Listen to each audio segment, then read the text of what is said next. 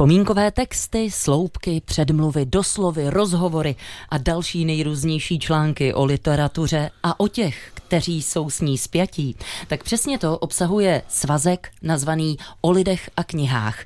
Je od významného nakladatelského redaktora a editora Jana Šulce, má úctyhodných 700 stran a stále je to jenom výběr zhruba poloviny z autorových publikovaných textů. Dalo by se tedy říci, že v ní možná už k tomuto tématu řekl všechno, co chtěl.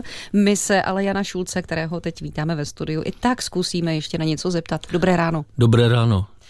Pane Šulci, máte přehled o tom, kolik jste četl knih?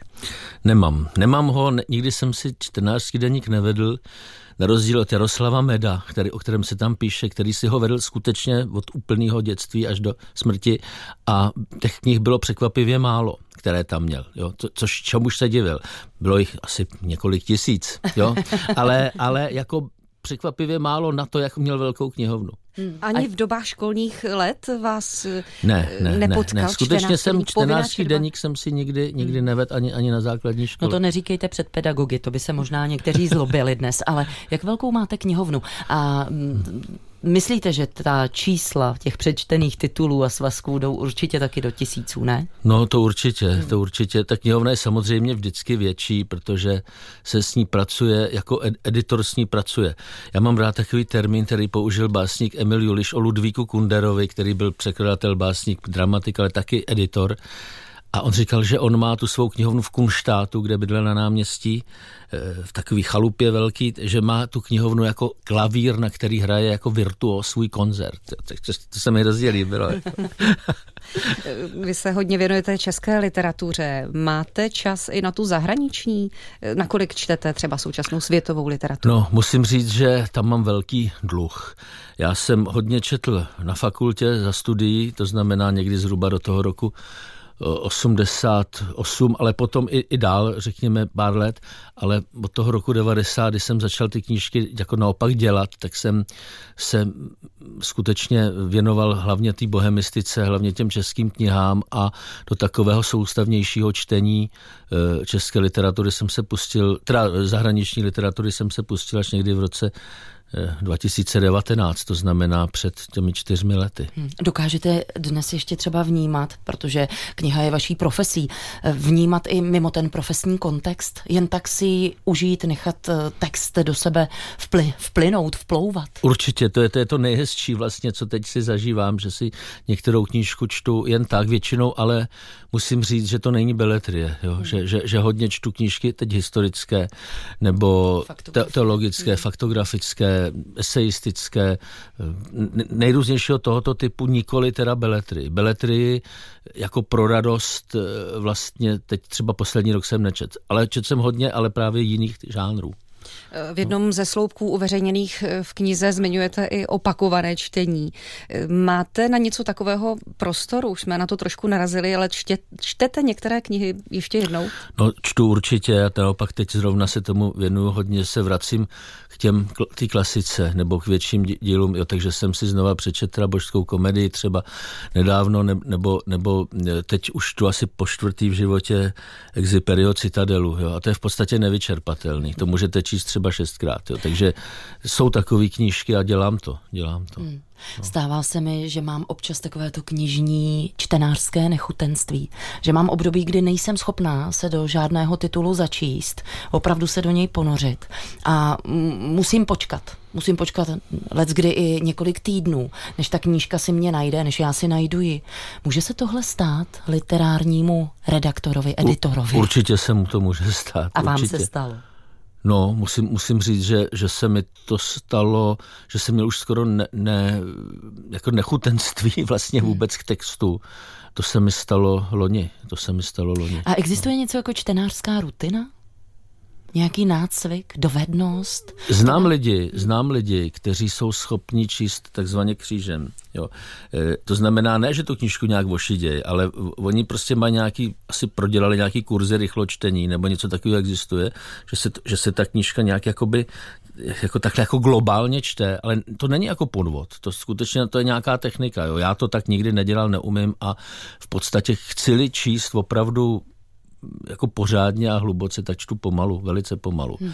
Ale znám lidi, to, se, to je hlavně u takových těch třeba publicistů, kteří potřebují nutně do novin uh, honem honem jako rozhodnout, o čem napíšou nebo co zadají, jo, tak ty to nějakým způsobem takhle, takhle čtou, ale, ale já tohle neumím vůbec. I v rozhlase jich pár máme. Ve svých textech se zabýváte i literaturu na okraji a v centru. Má vůbec smysl to takto pojímat? Není to rozdělení v něčem jiném? Eh, já si myslím, eh, že to smysl má, je to ale vlastně spíš z hlediska jako sociologického. To znamená, jaká kniha se stane třeba tak čtenou, že jí vycházejí statisíce a jiná naopak, že ji čtou jenom, jenom třeba specialisté nebo ti, kdo ji objeví. Já si myslím, že to jako určitou relevanci má a samozřejmě se to týká i toho, jak, jakým způsobem je to napsáno. Tomu se právě věnoval eh, doktor Jan Lopatka, kritik literární, kterého spíš vždycky zajímala ta literatura na okraji, než ta v tom středu a taky to v těch jeho kritikách je, je, je dodnes možno najít. Po kolika stránkách, pane Šulci, dokážete tak odhadnout, jestli dílo, které čtete, nové dílo, nějaký nový titul, který teprve přichází, eh, bude jednou bestsellerem? To nedokážu odhadnout vůbec. To, to je právě takový to zajímavý, že mnohdy to žije s vlastním životem a ty důvody jsou často ne, jaksi předem neodhadnutelné. Jo. Nám se stalo teda v nakladatelství Torst několikrát, že se knížka stala skutečně bestsellerem aniž bychom to odhadovali. Konkrétně mám na mysli Petru Hůlovou a Tomáše Zmeškala. Jo. Ty knížky skutečně měly potom obrovský čtenářský dopad a my jsme jich vydali, třeba náklad byl 700 jo, a pak jako ve výsledku to pak bylo 16 tisíc. Prostě to, to je úplně, to, to, to se nedoká... Nepredikovatelné. Hmm. Nepredik... Samozřejmě u některého typu literatury tomu jako věřím, že, že, že ta knížka do, jako zasáhne lidi a ono se to stane. Jo, ale to se stalo třeba teď u knihy Pavla Kosatíka Slovenské století, která měla obrovský dopad, zejména na Slovensku, kde se, kde teda Pavel absolvoval nějaké turné po knihkupectvích a po knihovnách a to mělo velký dopad a myslím, že ta knížka se znova tam prodává. U nás taky samozřejmě, ale čili tam jsem jako věřil, že ta knížka má tenhle ten potenciál, ale u, u beletrie je to těžko, těžko odhadnout. Skoro je to až taková literární magie. no ne, já, já třeba můžu, si pamatuju, tady je jeden z velmi populárních vydávaných autorů Robert Fulžum. A Eva Slámová byla moje kamarádka, kolegyně z nakladatelství Odeon, která ho objevila. Jo? Ona ho skutečně objevila, jako tady ho nikdo neznal, a vyšla v Odeonu, ona tomu věřila, věřila a vydala se první knížka Fulžumova, myslím, že se to jmenuje Všecko, co doopravdy potřebuju znát, jsem se naučil v mateřské, mateřské školce. A ta knížka se vůbec neprodává. Prostě byl to úplně jako několik měsíců propadák, jo, teď všichni říkali, Evě, no tak to přehnala s tím Fulgem. No a potom vyšla druhá, ta se mi si jmenovala Už, už, už hořela, už hořela když, jsem, když jsem si do ní lehal a najednou no. si to nějak prolomilo. Hmm. A, a on je tady dneska vydávaný, milovaný, čtený víc než v té Americe. Hmm. Že? On tady se prostě stal tenhle ten fenomén.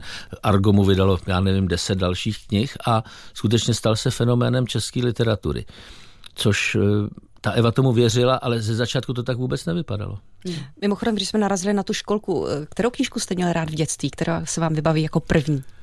Jako první, to je, to je těžké. Já jsem hodně miloval dva autory, které tam, o kterých tam hodně taky píšu, to byl eh, Karel Máj a Jaroslav Foglar. Jo, to byly pro mě úplně základní, když mi bylo těch, řekněme, 7-8 let v této době na začátku té základní školy, ale jako úplně první knížku, kterou jsem jako vzal do ruky, nebo, nebo kterou jsem čet.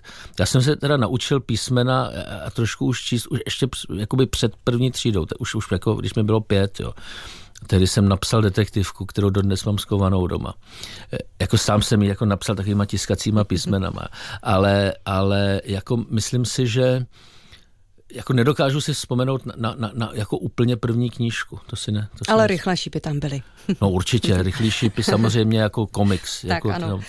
Říká nakladatelský redaktor Jan Schulz ke čtenářským tématům, která nás eh, nad jeho publikací o lidech a knihách napadají. Vrátíme se k ním i po následující skladbě, tentokrát proto, abychom se věnovali i v názvu zmíněným lidem a také k jeho pohledu na literaturu jako takovou. A my si povídáme o objemném svazku, který má název o lidech a knihách. Je to výbor z textů renomovaného nakladatelského redaktora a editora Jana Šulce, který je stále naším hostem. Ještě jednou dobrý den. Dobrý den. Ten svazek se jmenuje O lidech a knihách, ne obráceně. Znamená to, Honzo, nakolik jsou pro vás lidé a knihy důležité právě v tom uvedeném pořadí, anebo to nehraje roli? No, ono je to důležité ze dvou důvodů. Jednak já nevím proč, to opravdu nevím, ale pro mě vždycky, vlastně od začátku, co jsem začal číst, je od, té, od těch 6-7 let, byla vlastně na prvním místě ten autor. Prostě pro mě, jako pro mě kniha vlastně vždycky byla stopou po člověku. Jo. To znamená, že jestliže napsal někdo Vinetu nebo Old Shatterhand, tak mě zajímal ten maj v těch Drážďanech, ta jeho vila tam, jo, jak tam žil. Prostě já jsem to vždycky měl takhle, jo, jako Shakespeare pro mě byl vlastně jsem si říkal, co ten člověk obsáhnul, že, že, že jako sonety a vedle toho, vedle toho dramata, dramata komedie, jo, že, ale mě zajímal vlastně jako zatím ten Shakespeare. Jo, tak, tak, tak, já jsem to takhle prostě měl vždycky, čili to byl jeden důvod, že vlastně proto jsou tam ti lidé na prvním místě, ale druhý byl čistě prozaický a to proto, že tam vzadu v té knižce je řada faksimilí té tradice, která spojuje knihy a lidi, nebo lidi a knihy. A u nás vyšla řada knih, řada, jo, je jich minimálně pět, který se jmenovali O knihách a lidech. Jo, od Jaroslava Vrchlického 1899. Jo. Potom už ve 20. ve 30. letech. Prostě o knihách a lidech byly knížky, které vycházely u nás. Tak jsem si říkal, přece tu knížku nenazvu stejně, že jo. takže jsem ji nazval, nazval, nazval v obráceně. Ale ten důvod byl vlastně dvojí. dvojí no. Eh, vaše kniha, vy tam vzpomínáte také na mnohé inspirativní osobnosti, s nimiž jste se setkal, s nimiž jste spolupracoval. Která z těch setkání pro vás byla obzvlášť zásadní, kdybyste jich měl pár zmínit? No, asi byl, byla tři. Jo. Eh, takový velmi důležitý člověk a pro mě naprosto zásadní byl bohemista Alexander Stich, který mě vlastně tím srdcem jo, a tím, tím, tím nadšením vlastně trošku přetáhl od té filologie a o té zahraniční literatury k té české, jo, protože on, to, já jsem říkal, to byl poslední národní obrozenec, buditel, Jo. Zemřel poměrně nedávno, ale já si myslím, že skutečně on v něm ta tradice vlastně toho 18. 19. století nějak dožila až, až, do, až do doby 90. Hmm. let. Jo. Takže ten mě hodně přitáhl k té české literatuře. Na druhém místě bych jmenoval doktora Jana Lopatku, kritika, který byl zas důležitý tím, že on vnímal literaturu neuvěřitelně poctivě. Jo. To, to, byla, to, to bylo něco naprosto jiného, jeho pohled na literaturu, na literární dílo, tedy jenom prózu, protože on poezii vůbec tý se nevyjadřoval k poezii, ale k próze byl já jsem tak poctivýho člověka snad nikdy, nikdy ne, jako poctivýho, ne ve smyslu poctivosti osobní, to z takových jsem poznal hodně, ale Pracovní. poctivosti ve vztahu k tomu hmm. literárnímu textu. Hmm. Jo, to, to, to, jako, tu, tu, to, jakým způsobem byl schopen odhalit jakoukoliv faleš, jakýkoliv podvod, jakoukoliv stylizaci toho autora. Jo. To až nelidské. Jo. Ale on měl prostě takový seismograf v sobě, že poz, poznal, proč, jeho vlastně zajímalo, proč ta kniha vzniká, proč to ten člověk píše. A je to také ten, který objevoval tu literaturu na okraji, jak se Ano, ano, ano, ten na tu literaturu na okraji. Čili ten mě ovlivnil zásadním způsobem, protože mě úplně převrátil vlastně vztah k tomu literárnímu dílu, k té proze. A potom třetí byl doktor Miloslav Žilina, o kterém tam taky e, píšu hodně v té knize, který byl zase naopak e, člověk, který nebyl bohemista, že, ale byl to člověk, který uměl všechny orientální jazyky a nakladatelství Odeon vlastně e- editoval edici Živá díla minulosti, která vyšla obrovský množství svazků. On uměl skutečně, opravdu uměl arabsky, čínsky, sanskrt, japonsky, prostě všechny tyhle hebrejsky. A, a on prostě byl schopen v těchto jazycích redigovat knihy. On redigoval Korán, on redigoval Bhagavad Gita, to, to, co, to, co hmm. vyšlo v Odeonu. A já, já to tam někdy říkám, já jsem ho používal jako slovník. Jo. Já v té době, kdy on žil, tak jsem vůbec ne, nechodil do slovníku, protože jsem se vždycky zeptal, on to věděl. Jo. Takže ten mě ovlivnil hodně právě tím obrovským, jako naprosto pro nás neskutečným rozhledem hmm. po, po světové literatuře. Honzo, a máme tady generaci, která by v práci takových osobností pokračovala. Znáte někoho z té takzvaně nastupující generace redaktorů, autorů, recenzentů, kdo by měl k literatuře tak poctivý přístup, jako třeba Lopatka? Já si myslím, že jsou lidé, kteří dneska už v ústavu, jsou to lidé mladší, v ústavu pro českou literaturu nebo na fakultách, kteří už takovou skvělou práci prostě dělají. Já, já si myslím, že, že jsou. Samozřejmě nelze opakovat žilinu, nelze opakovat lopatku, to, to prostě možné není, ale myslím si, že v té práci ediční třeba některé edice Michala Špirita jsou prostě naprosto vynikající, vlastně překračují tu úroveň. Ten třeba se věnuje spisům Jiřího Vajla, jo, nebo pro nás udělal uh, knihu listů, zanechaných listů Jana Hanče a to je, bych řekl, to nejlepší, co jsem vůbec jako měl v ruce. Takže, ale jmenoval bych další, jako Michala Topora, jako Michala Kosáka, Jiřího Fleischmana, tam vyrostla úplně nová generace, to jsou všechno kluci mladší než já a to jsou, ty to dělají neuvěřitelně poctivě a dobře, takže tam vůbec nemám strach, že by nebyli. E, něco jiného je trošku jakoby podívat se jako na tu kritiku, jo, nebo na tu eseistiku, tam si myslím, že víc se, eh, jako nemám strach o editory nebo o literární historiky, ty si myslím, že budou, ale myslím si, že jakoby, no, jakoby přinést nějaký nový pohled, si myslím, že bude relativně eh, re, relativně obtížné, protože ta, ta situace se jako úplně, úplně proměnila, jsme v úplně jiném kontextu dneska. Eh, vy jste už o sobě zmínil, že jste také jakýsi staromilec, ale přesto, jak vnímáte vztah progrese a konzervativismu a jak se udržujete otevřenost, abyste ve svém pohledu na svět a umění řekněme, neskostnatěl? No, je to, je to těžký. Je to, je to těžký, protože si sám na sobě všímám, že některé změny mi vadí. Jo? Takže, takže jako já jsem řekl bych tak jako konzervativec v mezích zákona, jo? Jako, jak, by řek, jak by řekl Jaroslav Hašek. Jako samozřejmě, že některé změny se mi líbí, teď třeba, já nevím, když udělají někde nějaký nádherný park nový a prostě jsou tam jako pěkný nové věci, tak se mi to líbí, nebo, ale opravdu jako i, i při té literatuře, i, i při tom vnímání toho moderního umění to chce hodně velkou otevřenost a snažit se, protože přece jenom některé věci už se nedají opakovat a bylo by hloupé jenom se vracet k tomu starému.